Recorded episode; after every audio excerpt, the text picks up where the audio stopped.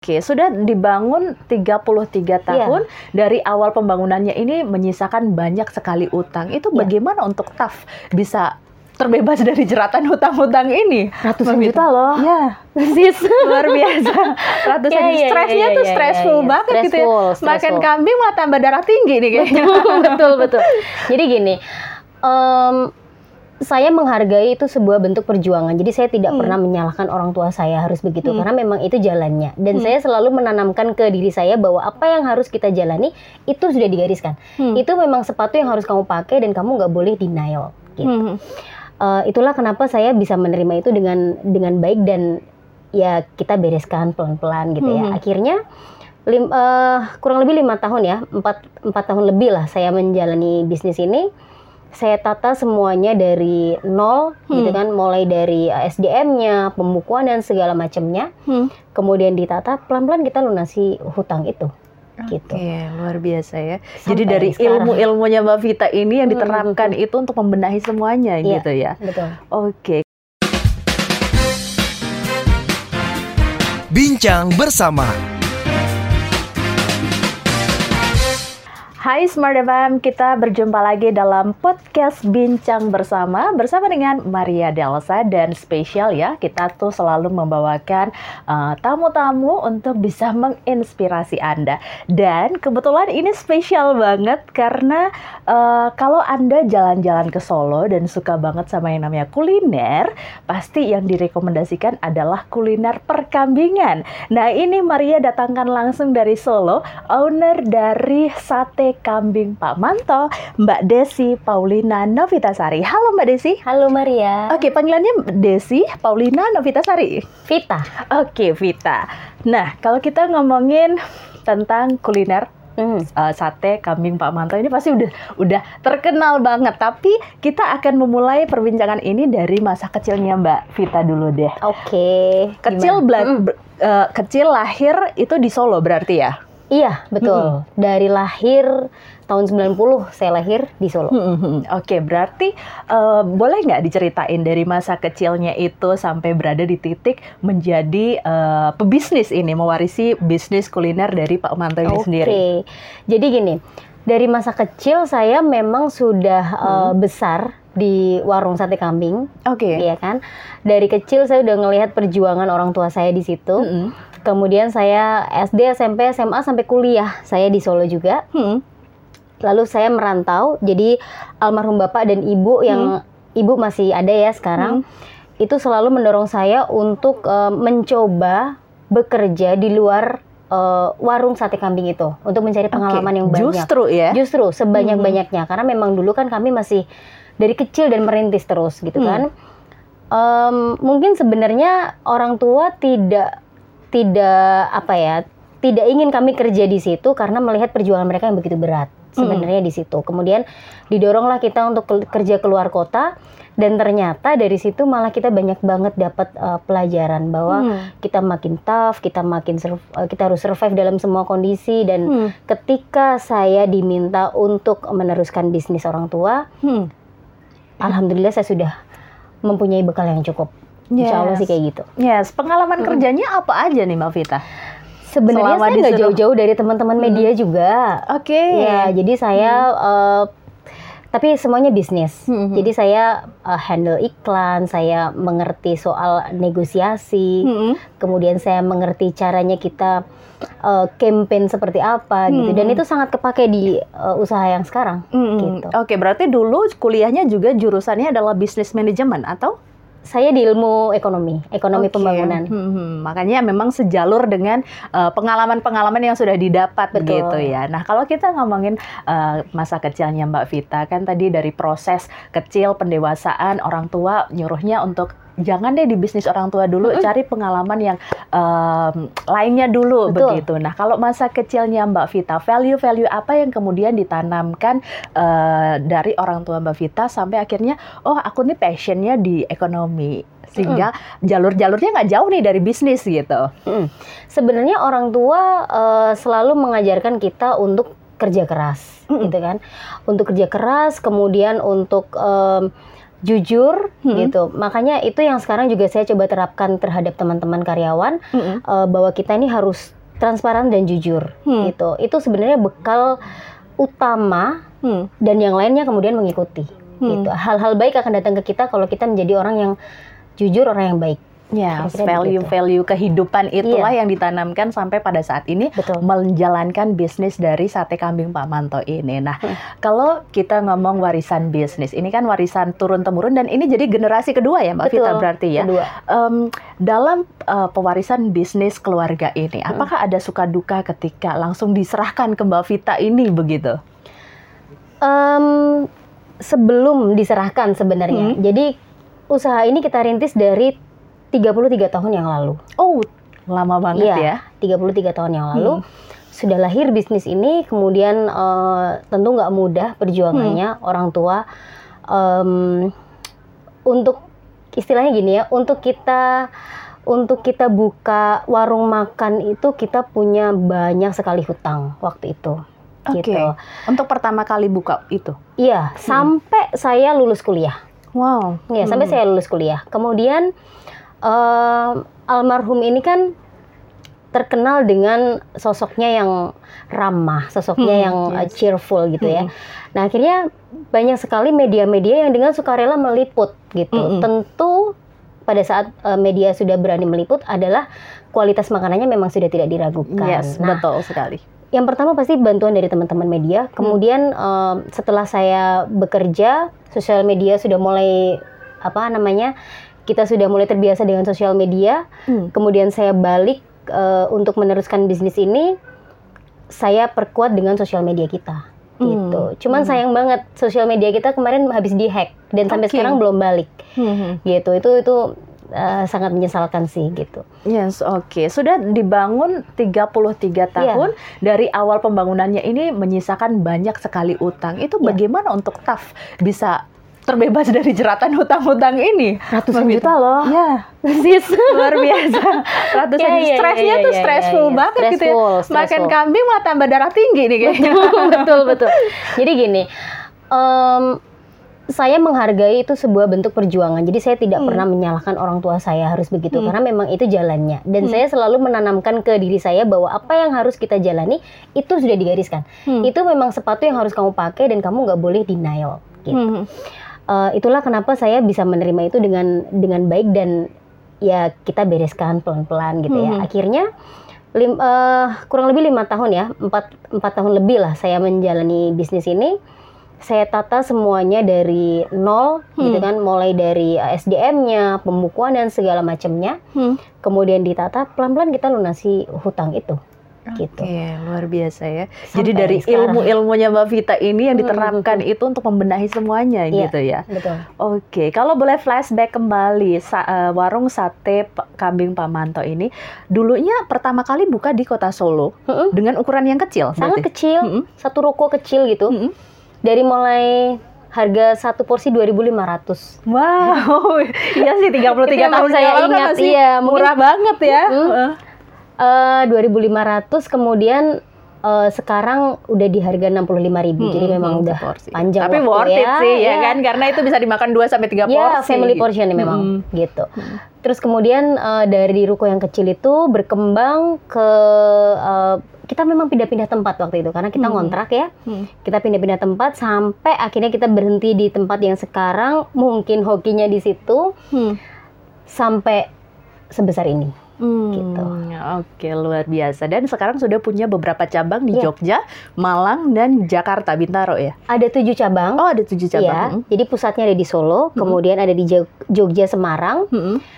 ada di Malang dan Surabaya, kemudian di Jakarta, terbaru kita buka di Bandung. Oh, di Bandung. Oke, luar biasa. Tapi emang ya, small listeners, uh, ini Maria bukan peres karena Maria ini uh, tipe yang tidak terlalu suka olahan kambing. Mm. Karena kan kambing itu kan identik dengan kalau bahasa Jawa sih prengus ya Iya, gitu, iya, Bu. betul. Prengus. Cuman uh, Pak Manto ini kalau dalam mengolah kambingnya ini after taste-nya itu menurut Maria tidak ada prengusnya sama sekali. Oh, Maria gitu. pernah coba berarti? Sering. Kalau Oh. yang di Solo Maria sering yang dekat Pasar Oke, Kembang ya. Betul. Yes, itu Oh, berarti sering. dia real. weekend itu.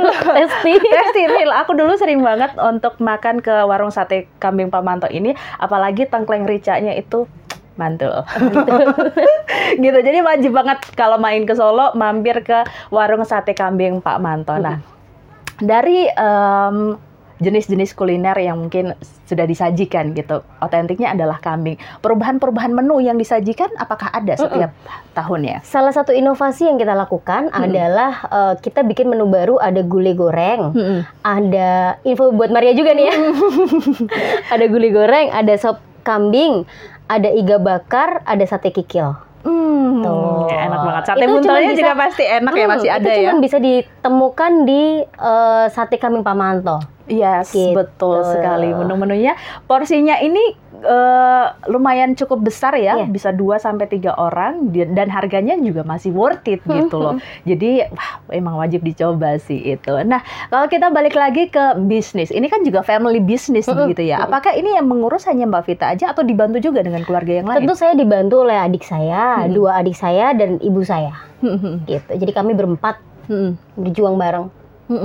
Dan itu kan karyawannya juga banyak banget ya. Sate Pamantu tuh nggak Iya. cuma satu loh. Kalau yang di Solo itu bisa banyak banget karena uh, yang order itu juga banyak banget gitu kan. Nah itu bagaimana sih memanage uh, ragam karyawannya ini? Hmm.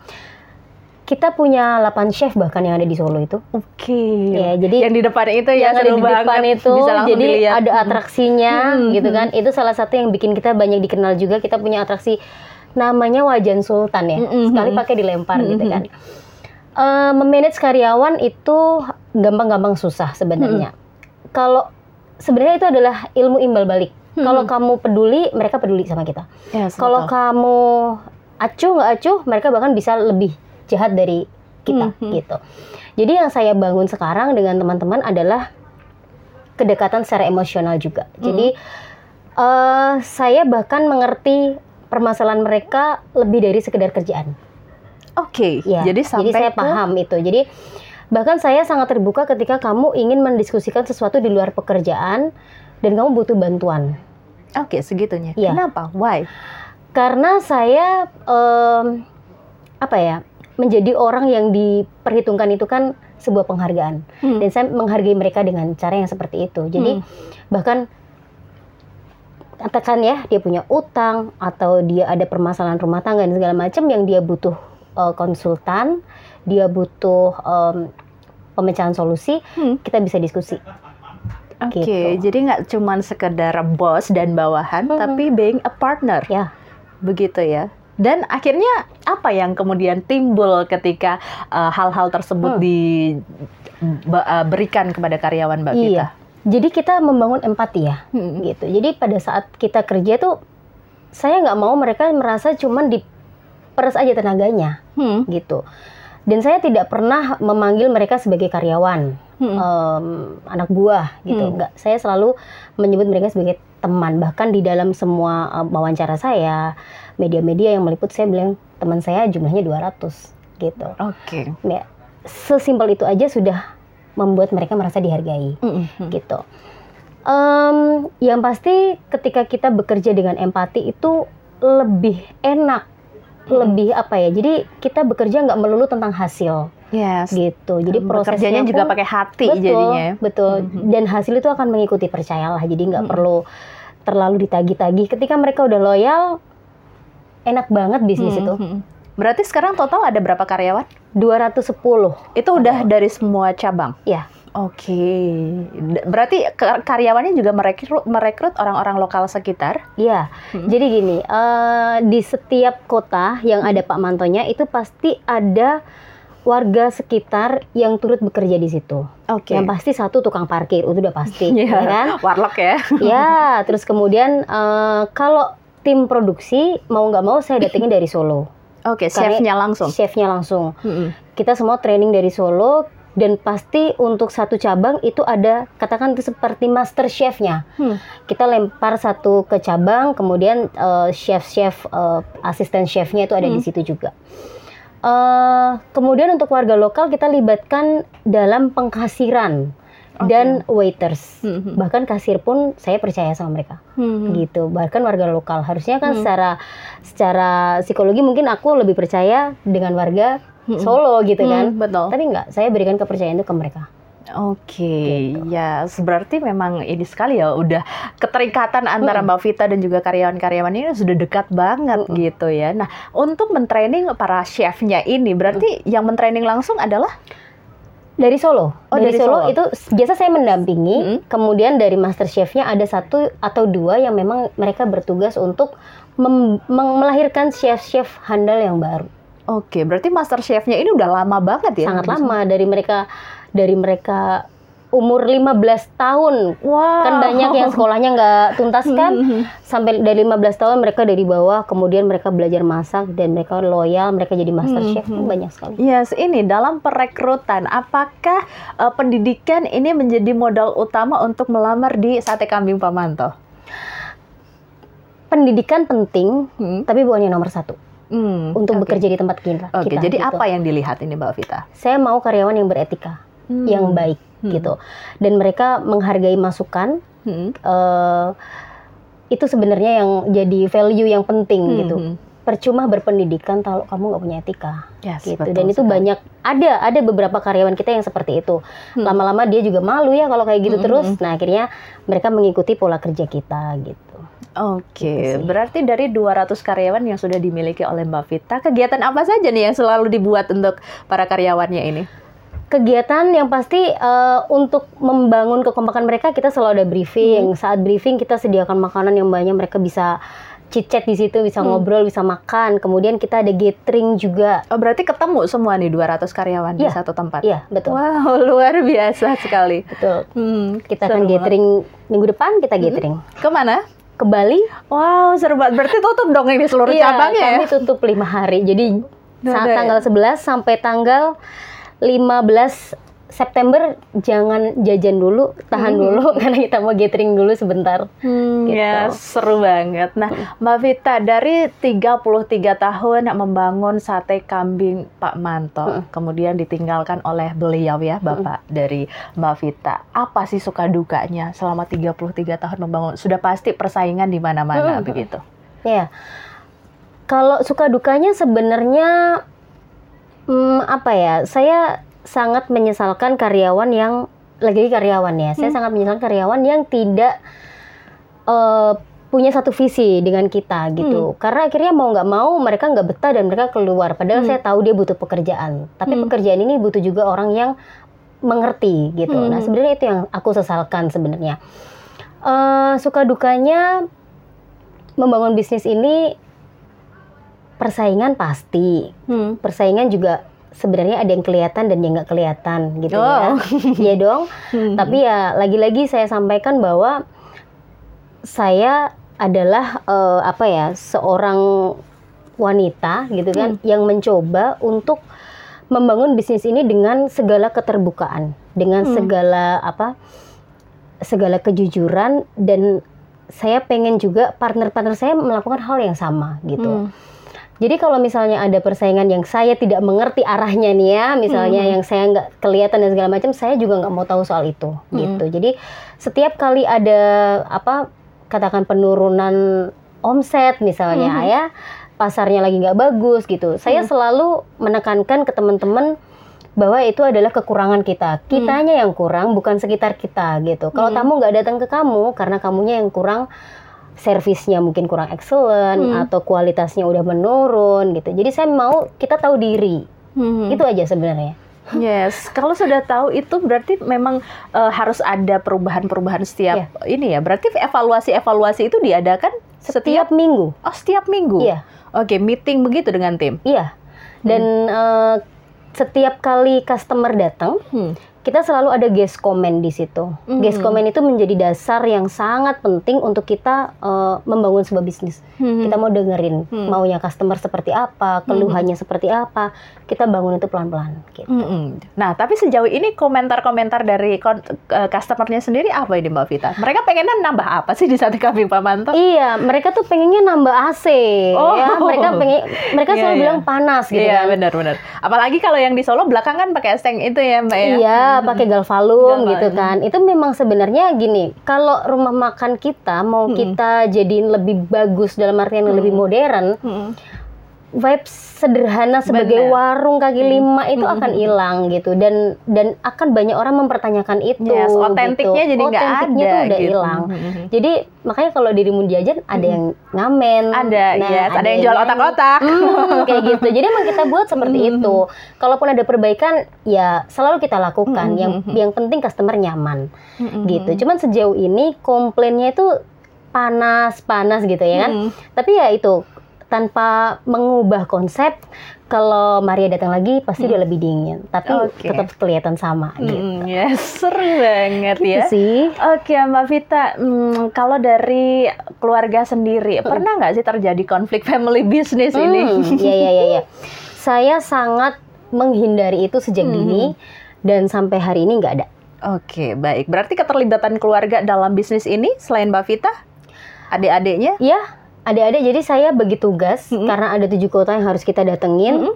jadi kalau saya ada di kota A adik saya di kota B kemudian Oke. yang C yang yang adik yang paling kecil stay di Solo dan Hmm. begitu muter saya Yes. sekalian juga pengen mengajarkan mereka untuk lebih terbiasa Hmm, gitu dengan oke. tempat-tempat yang udah kita karena kita udah bikin Hmm. ya kita bertanggung jawab dong untuk itu Yes, gitu. betul sekali. Berarti tujuh cabang ini orisinil masih punya Ya, Pak Manto ya, betul. bukan belum buka franchise di mana-mana? belum Atau ada niatan untuk membuka franchise? banyak banget ya Mm-mm. maksudnya eh, sebenarnya sih alhamdulillah banyak banget yang minta tapi saya eh, masih mengukur kemampuan saya karena pastinya orang yang mengajak franchise pastinya kan pengen return yang tinggi Hmm, gitu kan hmm. dan secepat mungkin gitu Betul. Nah kalau saya kan makanya saya ada nggak partner yang memang bekerja itu nggak cuma mau hasil pasti hasil tuh datang Hmm, gitu nggak hmm, mungkin hmm. saya menjalankan bisnis ini nggak ada hasil ya Hmm, gitu betul. kan cuman itu bukan menjadi yang eh, pertama jadi saya Hmm. masih memperhitungkan untuk franchise Oke, tapi terbuka ke depannya ya pasti ya. Hmm, Oke, nah kalau boleh tahu setiap harinya ini Pak Manto motong berapa kambing nih? hmm, 20 sampai 50 Oke, setiap eh, outletnya ya? iya Oke, banyak juga ya. Mm. Luar biasa. Nah, Mbak Vita, pernah nggak sih terfikirkan selain bisnis eh, kuliner di bidang kambing nih ya, Hmm. ada mau buka di food yang lain atau bisnis yang lain? Sejauh ini semuanya baru rencana-rencana, Hmm. belum belum sampai ke implementasinya. Jadi saya rasa masih di sini dulu. Hmm, yes, oke. Dan nanti untuk ke depannya ini, bagaimana untuk mempertahankan kuliner sate pak kambing ini biar ekspansinya agak selalu selamanya gitu? Em, jadi gini, kami selalu melihat potensi di suatu kota gitu Hmm. ya. Terus kami juga mempertimbangkan SDM-nya. Hmm. Pokoknya saya itu punya prinsip gini, ketika saya udah buka di satu kota, jangan sampai tutup, malu Hmm. gitu. Jadi saya eh, selalu sebelum kita buka, kita hitung dulu semuanya, Oke. minimal sampai 10 tahun kita survive di situ. Oke. gitu sampai Hmm. sejauh itu Hmm. Eh, yang kami pengen sih insya Allah ya kita mau Hmm. buka di Kalimantan kita pengen buka Wow. di kota Bali Hmm. mudah-mudahan bisa terrealisasi ya Hmm, Oke, berarti ini memang ekspansinya mau ke seluruh Indonesia. Mudah-mudahan begitu Luar biasa sekali. Nah, kalau boleh tahu Mbak Vita selain berarti ini sudah fokusnya ke sate kambing Pamanto aja, Mm-mm. begitu. untuk saat ini iya Mm-mm. Berarti memang sudah tidak bekerja lagi di media Hmm, dan iya kalau sebagainya. itu betul Bekal-bekalnya semua sudah dimasukkan diolah ke sate kambing Pak Manto Ya. ini ya. Oke. Nah, dari eh, promosi dan sebagainya sudah menggunakan digital begitu Mm-mm, ya. Digital apa saja platform yang digunakan Enggak, untuk kami promosi? hanya hanya Instagram aja Mm-mm. kemudian kalau dari teman-teman youtuber food vlogger itu datang secara sukarela mereka jadi Oke. kami nggak pernah membayar itu bahkan untuk beberapa tayangan eh, TV swasta pun juga demikian gitu jadi mereka membutuhkan konten yang berkualitas kami mampu menyediakan itu dan kami eh, terbantu dengan exposure mereka jadi ya Hmm. kita jamu mereka mereka expose Oke, kita nah gitu. ini menarik. Kenapa tidak tertarik untuk mengundang para influencer itu untuk em, apa namanya mencicipi atau meri- mereview begitu? Mm-mm. Tapi ya memang mereka sendiri yang datang. Apakah karena memang sudah merasa bahwa Pak Manto ini sudah kuat banget ke bergening positionnya? Ini begitu? sindiran halus ya Maria.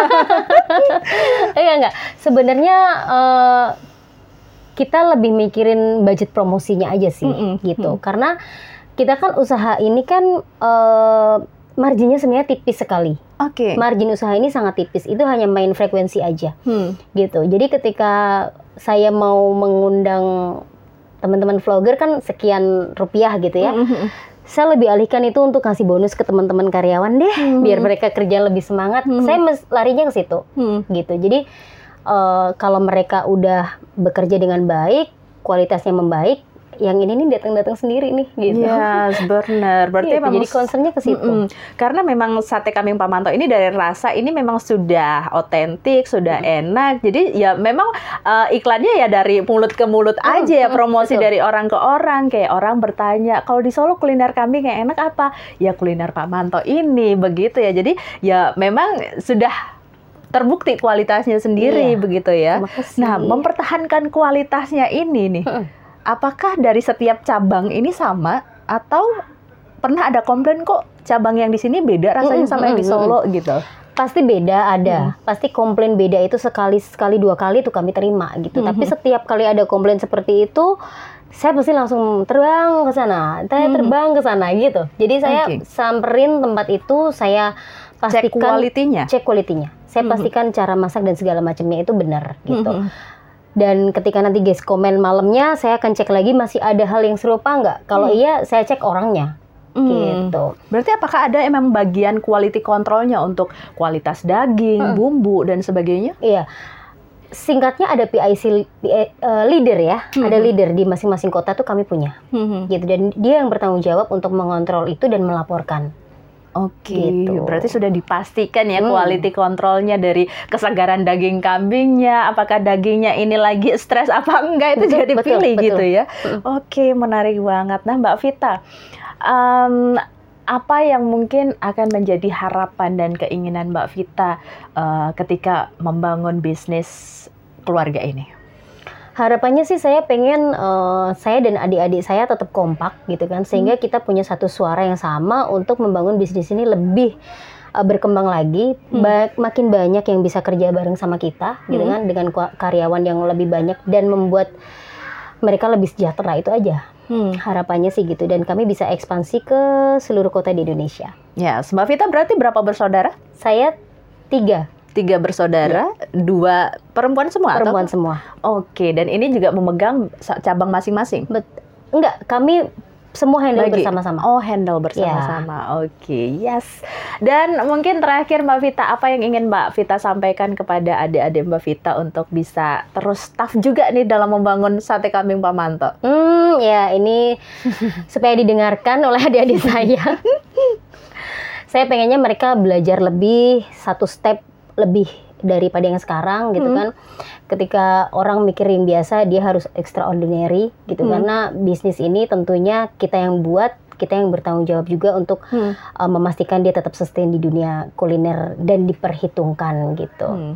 Saya pengennya juga ada inovasi-inovasi yang lahir dari original dari mereka gitu. Hmm, yes. Oke, thank you Mbak Vita untuk sharingnya. Semoga sukses selalu sate kambing Pamanto ya. Hmm. Dan buat Anda smart listeners jangan lupa juga kalau mampir ke kota-kota eh, Kota Solo, Jogja, Surabaya, Malang, juga Jakarta yang ada di Bintaro ya. Betul. Jangan lupa mampir ke sate kambing Pamanto karena memang sudah otentik dan terbukti rasanya itu maknyus. Thank you, kita akan berjumpa lagi di podcast Bincang Bersama berikutnya. Sampai berjum- berjumpa. Bincang bersama